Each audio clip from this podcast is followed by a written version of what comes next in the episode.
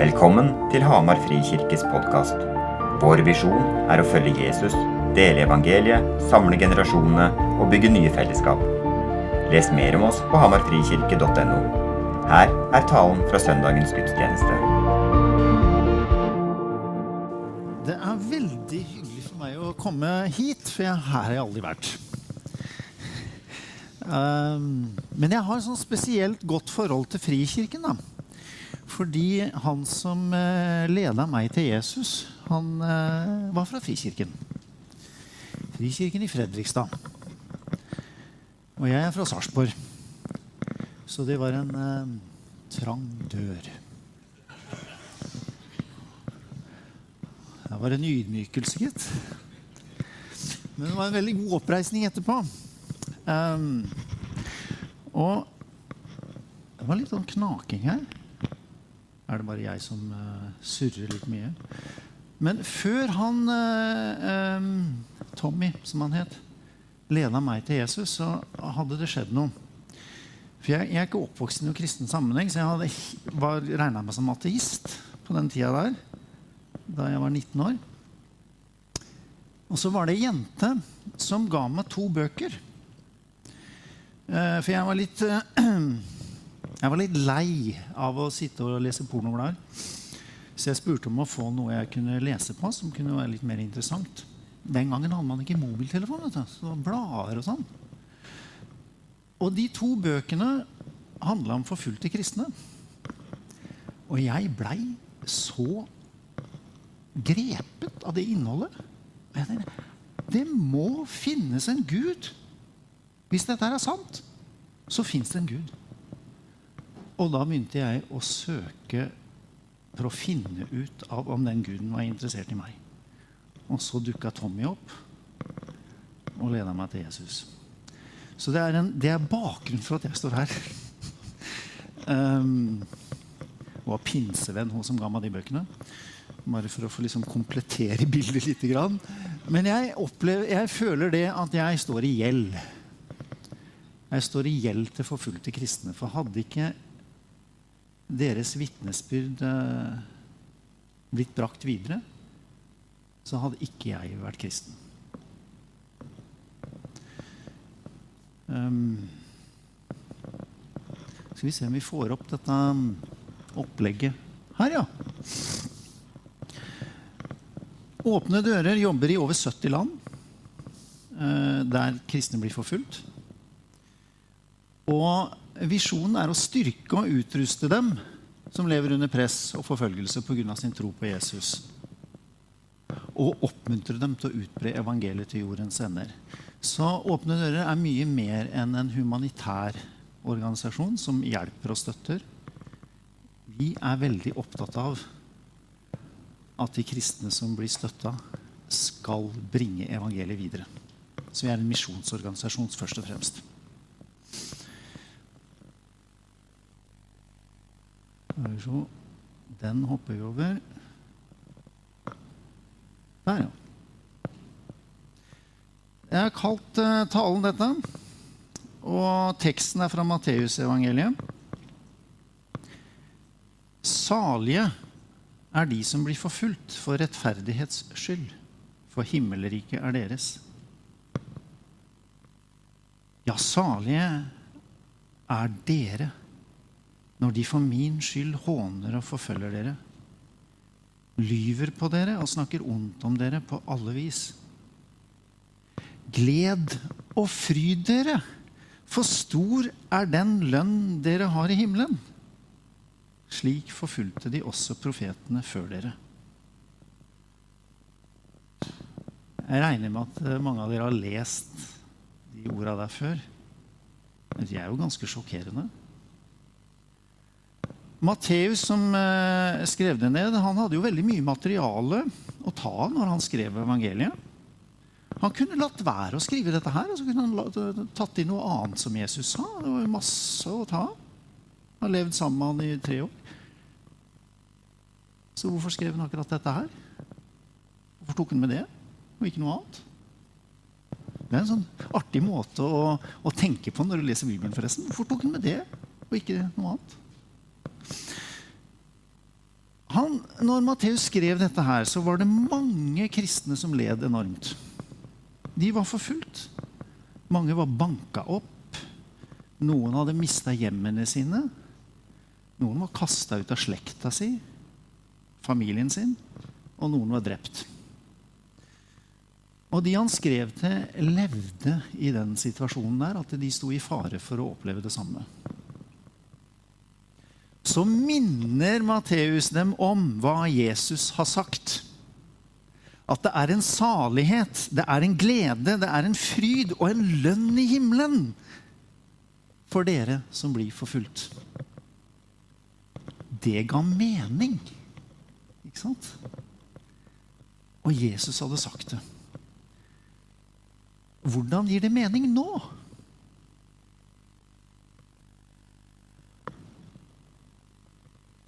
Dette er situasjonen akkurat nå. Hver dag er det 15 kristne som blir drept fordi de holder fast på troen på Jesus. Det er seks kirker som blir angrepet. Tolv kristne blir fengslet uten lov og dom. 14 kristne blir bortført. Og hver time blir en kristen kvinne voldtatt fordi hun er kristen.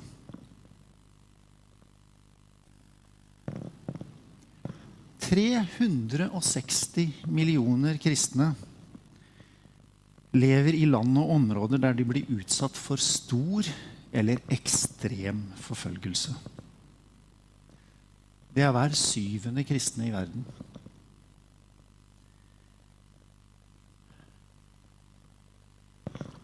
Kan de være salige? Hva slags salighet er det i det? Er ikke dette her bare egentlig helt groteskt og helt forferdelig? Og, og dette er jo ikke, tri, det, dette er ikke bare et tall, ikke sant? Dette er mennesker akkurat som deg. Som opplever helt grusomme ting fordi de tror på Jesus. Går det an å si at Hva slags salighet er det?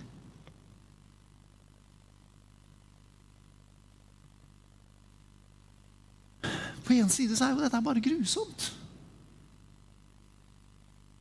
Så er det en annen side òg. Dette her er 360 millioner enkeltpersoner, sånn som oss. Som troen på Jesus betyr så mye, er så viktig, at de vil heller ha den troen sammen med forfølgelse enn å ikke ha den troen og ikke ha forfølgelse. Det er et sterkt vitnesbyrd. Det er et eller annet der som er så sterkt, som er så godt, at de bare må ha det. Dette er Lea på 14 år. For fire år siden så ble hun kidnappa nord i Nigeria sammen med 110 andre jenter. Eller 109 andre. Det var opprinnelig 113, men tre av de døde når Boko Haram kom inn og kidnappa dem fra en jenteskole. Så sier Boko Haram etterpå at alle som er muslimer, får reise på én betingelse må ikke gå på skolen noe mer. Lea var den eneste av de overlevende som var kristen. Så hun fikk et annet valg. Konverter til islam og bli med vennene dine hjem og ikke gå på skolen. Hvis du fastholder din tro på Jesus, så blir du vår sexslave. 14 år.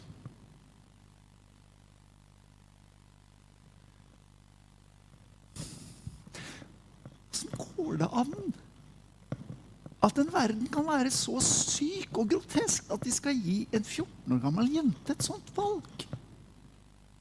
Og hun skal stå der og hva, skal jeg gjøre? For skal jeg bli med vennene mine? Skal jeg forlate troen min? Og gå, bli her hos Boko Haram? Og det var Lea valgte. Hun sa Jesus har aldri svikta meg. jeg vil ikke fornekte han. Så de 109 andre fikk reise. Lea blei igjen hos Boko Haram. Nå er det fjerde året. Hun er fortsatt der. Etter åtte måneder så, så ble det smugla ut en lapp til foreldrene hennes som hun hadde skrevet. Og der skrev hun Mor, jeg er sikker på at jeg skal få se dere igjen. Om ikke her, så i fanget på vår Herre Jesus Kristus. Så grusomt! Og samtidig Hva slags vitnesbyrd? Hva slags salighet er det en jente har i seg? Om, om det er køl svart hos Boko Haram, for det er det, så er det i hvert fall ett lys der.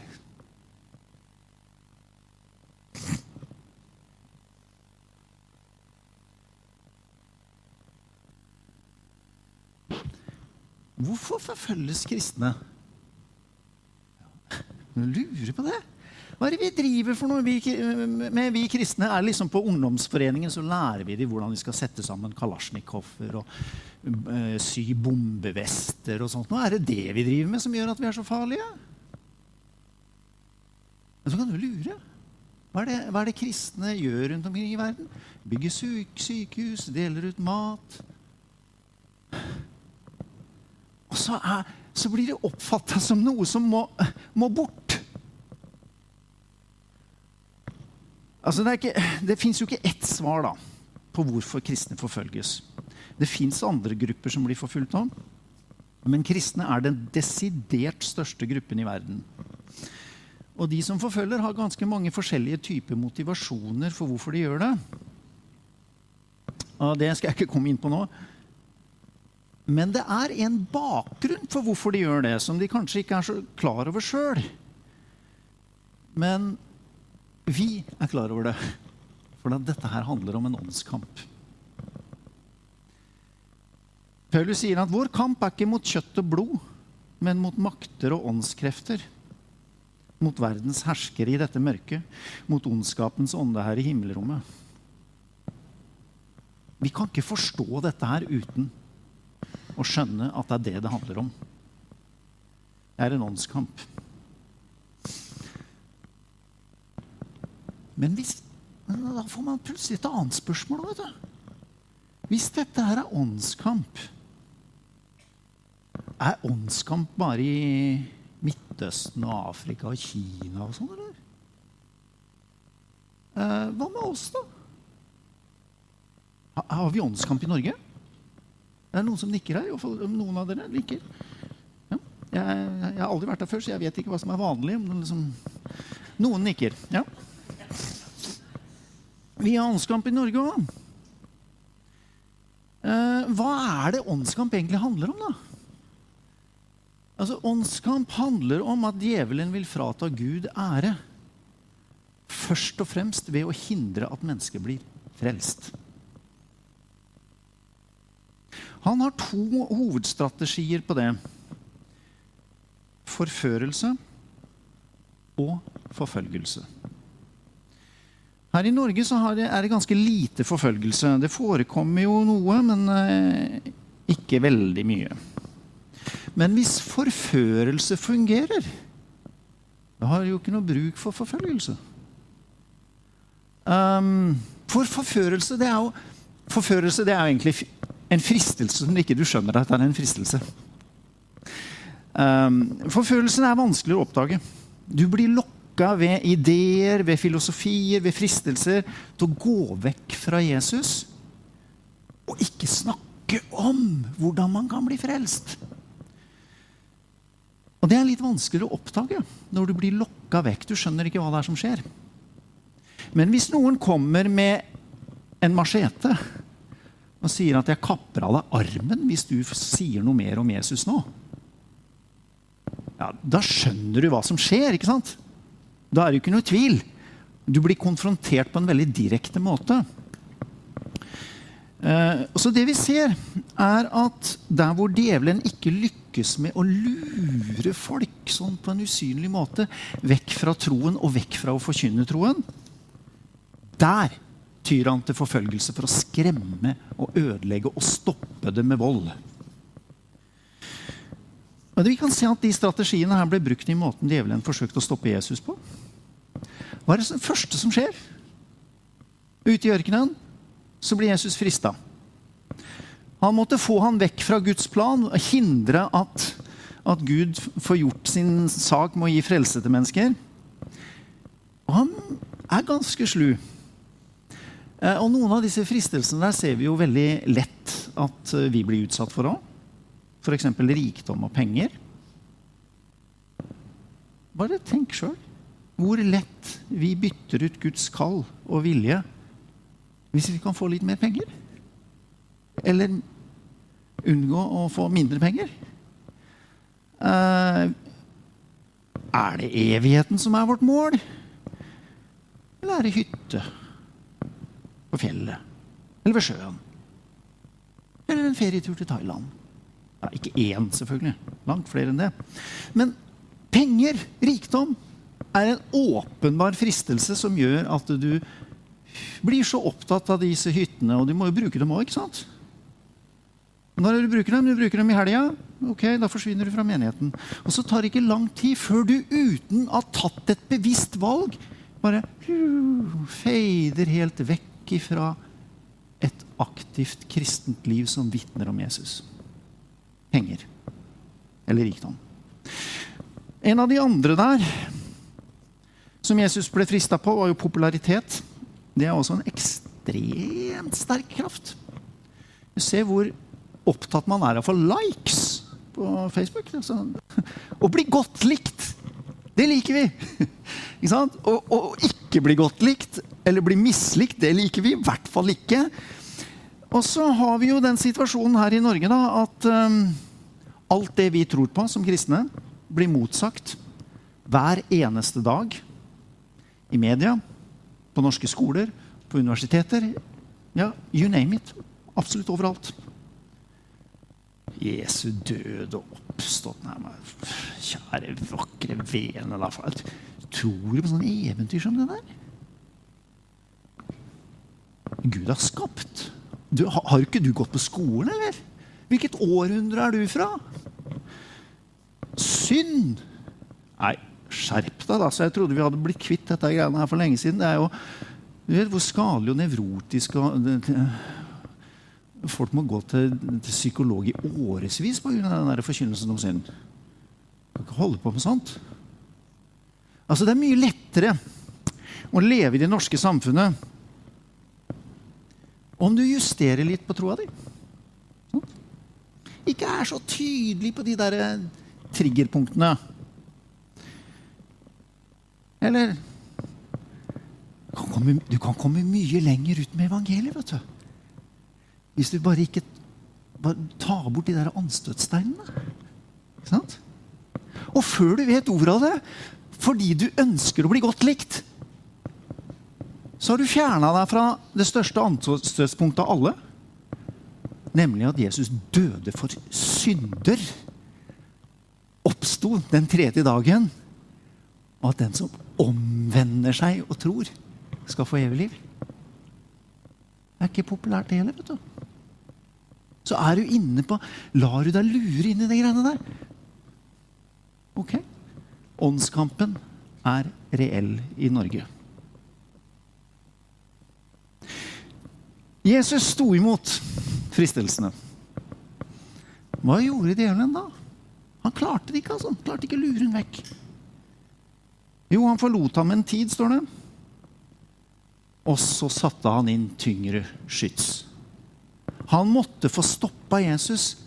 Og når det ikke nytta med å lokke han vekk fra Guds vilje, ok, da må vi presse han vekk. Da blei det forfølgelse. Og dere som har dagens tekst, sikkert noen av dere som har lest dagens tekst, eh, Johannes 11, der står det da kalte overpresten og fariseerne rådet sammen. Og de sa, Hva skal vi gjøre? Denne mannen gjør mange tegn. Lar vi ham holde på slik, vil snart alle tro på ham. Så kommer romerne og tar både det hellige sted og folket vårt. Og så la de planer om å drepe han.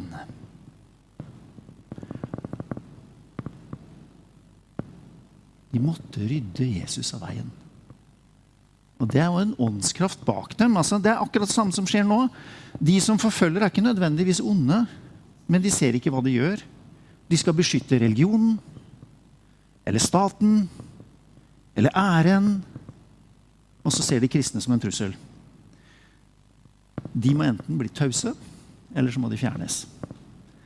Og det er det som skjedde med Jesus òg. Når djevelen ikke fikk stoppa han med fristelser og forførelser, så ville han stoppe han med forfølgelse, makt, vold og død. Og det lyktes han med. Jesus døde etter tortur og korsfestelse. Tragisk.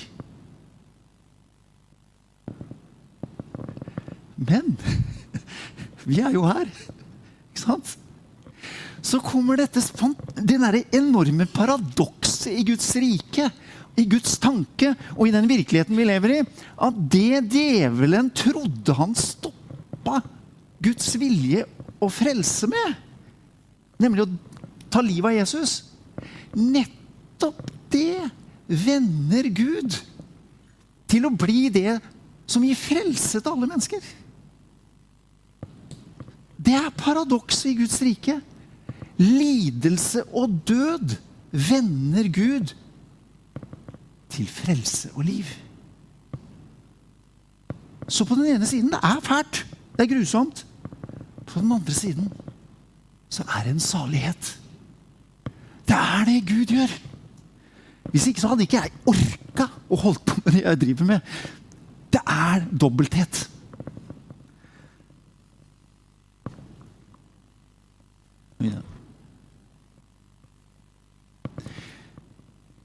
Eh, åpne døra lage en liste over de verste 50 landene å være kristen i i 30 år. Når man begynte med dette her, så så man en periode at det ble bedre i mange land, faktisk. En del land forsvant ut av lista fordi forfølgelsen slutta totalt. Mens eh, så har det snudd igjen. Oppsann. Nei, nei, nei, nei, nei. Tilbake. Nå skulle det vært en liten animasjon her. Vi se om det funker. Nei, den funka ikke. Tilbake. Det var litt dumt. Da det, jeg har det gått en liten teknisk miss. Men pointet er For ca. ti år siden så snudde den positive utviklinga. Og nå har det, de siste ti åra har det blitt verre for kristne i hele verden. Og um, det kartet du ser der nå, er uh, Skal vi se Yes, det er ikke 1993, men det er dagens situasjon. De røde områdene er forfølgelsen helt ekstrem. Det betyr f.eks. Somalia. Hvis, hvis, det mistenkes at du er kristen, så blir du drept. Se her. Nå kom den. Ja.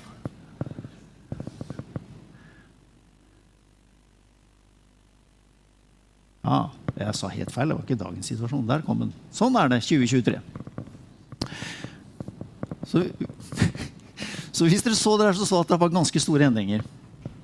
Men det er situasjonen nå.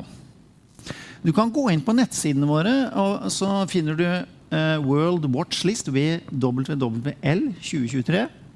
Så kan du klikke på kartet, og så vil du få detaljert informasjon fra hvert land. Hva er problemet, hva er det som skjer, og hvordan? Noen av dere stusser garantert nå. Er dette her mulig? Det er noen land som dere har vært på ferie i og sånn. Klikk og se hva det er for noe. Det er ikke sånn at i hele Mexico så blir kristne forfulgt. Det er noen steder. Men uh, hele landet er, eh, er markert på det kartet. For eksempel. Men så er det da greia at um, forfølgelsen har vært ekstremt og blitt mye, mye verre de siste ti åra. Samtidig så i de verste landa så er det flere som blir kristne. Hele Midtøsten-området så er det nå flere som har blitt kristne enn hva det var før. Og da kommer den. Hva er dette? Jeg vet ikke om dere Kjenner dere noen sånne store evangelister som har farta rundt i Midtøsten i de siste? De siste ti åra? Som har brakt veldig mange mennesker til tro? Jeg, eh, rett før pandemien så fikk jeg treffe en liten dame fra Bagdad. Jeg hadde hørt om henne, og det jeg hørte, var så ekstremt at jeg, jeg ble helt yr av å få muligheten til å treffe henne. Jeg hørte at hun leda eh, veldig mange menigheter. Jeg hadde hørt at hun leda over 100 menigheter som, hvor alle hadde vært muslimer tidligere i Irak. Er det mulig? Eh, og så når jeg da traff henne, så, eller rett før jeg skulle treffe henne, så måtte jeg gjøre litt research for å prøve å finne ut litt mer. Og de tallene jeg fikk da, dette er altså rett før pandemien, var at hun var øverste leder for 240 menigheter hvor alle var eksmuslimer. Og litt over 1000 bibelgrupper av, uh, hvor, hvor, man leste Bibelen sammen, som var litt miks av både kristne og, og muslimer. Uh, og så fikk jeg da også høre at det tallet 240 er veldig konservativt. Det er sannsynligvis høyere.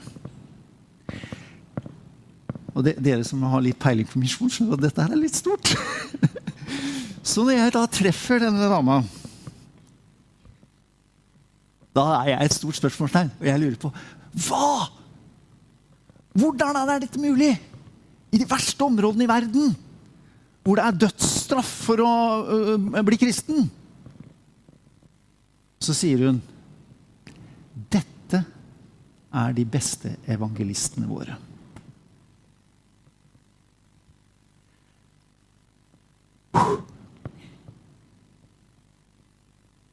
Og Da må jeg jo enda litt mer spørsmålstegn, og så forklarer hun. Grusomhetene som IS og lignende grupper har gjort i siste, har fått veldig mange muslimer i vårt land til å stille spørsmålet er dette virkelig min religion.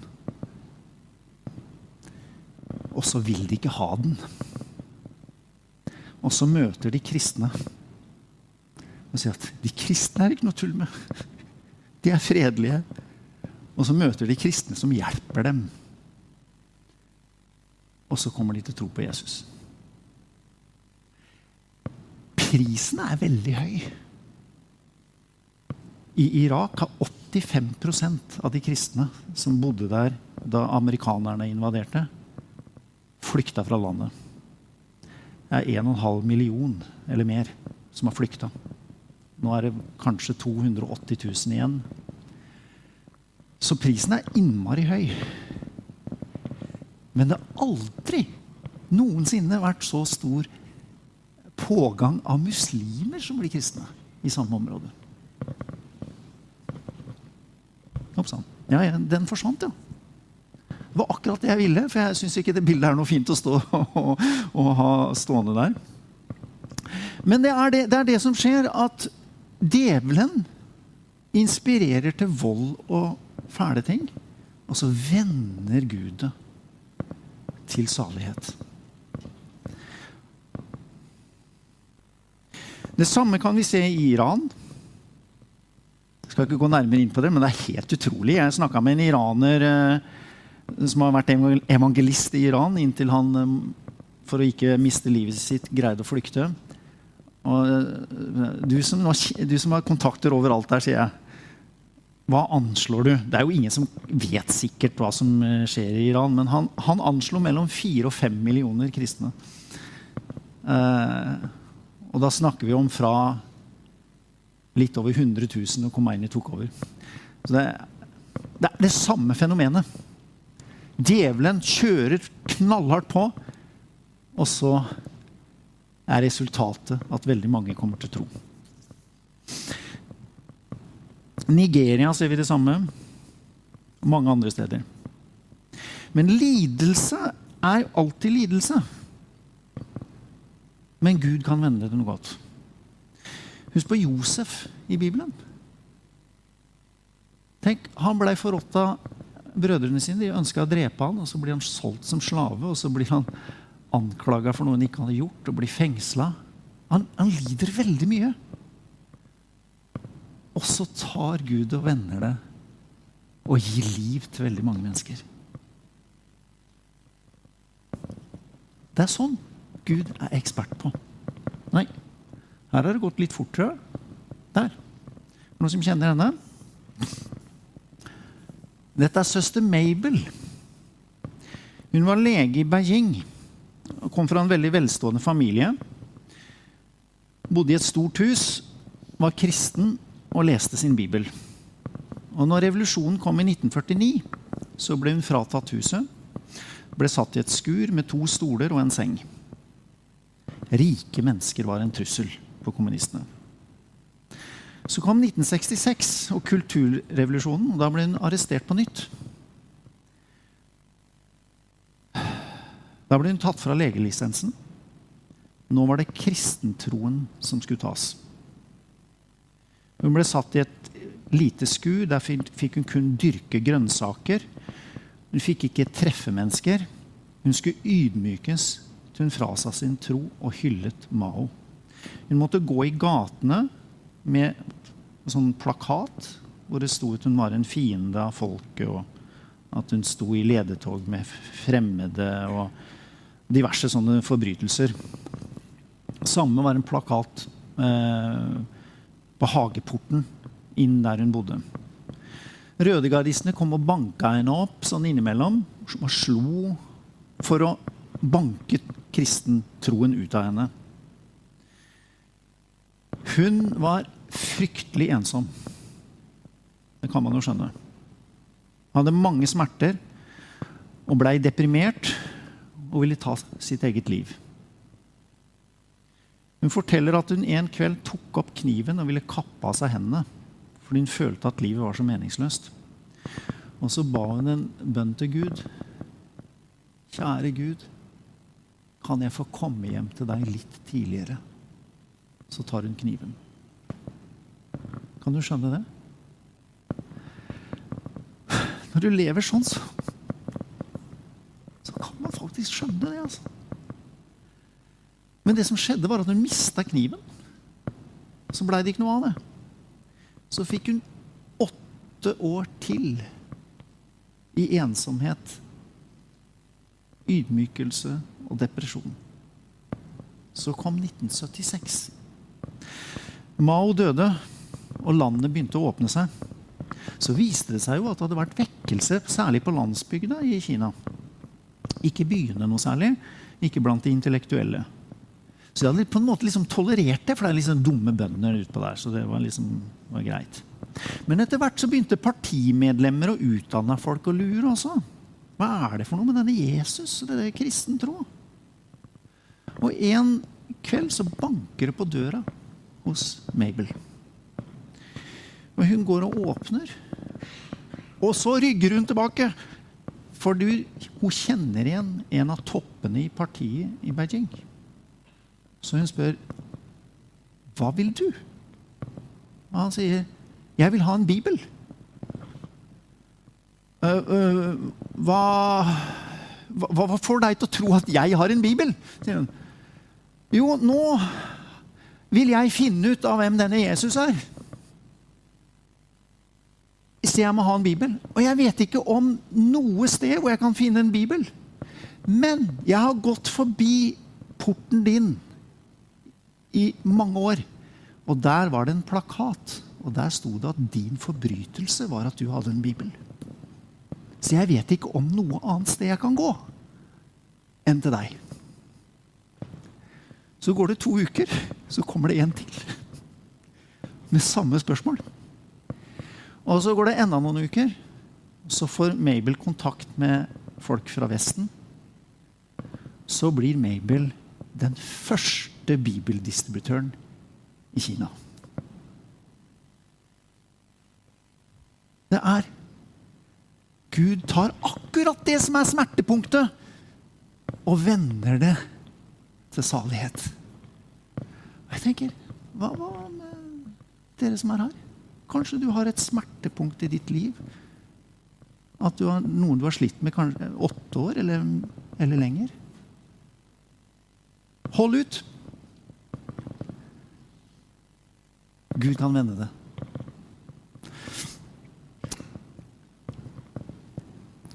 De som lider, trenger vår støtte. Det er mange måter vi kan støtte dem på. Sann.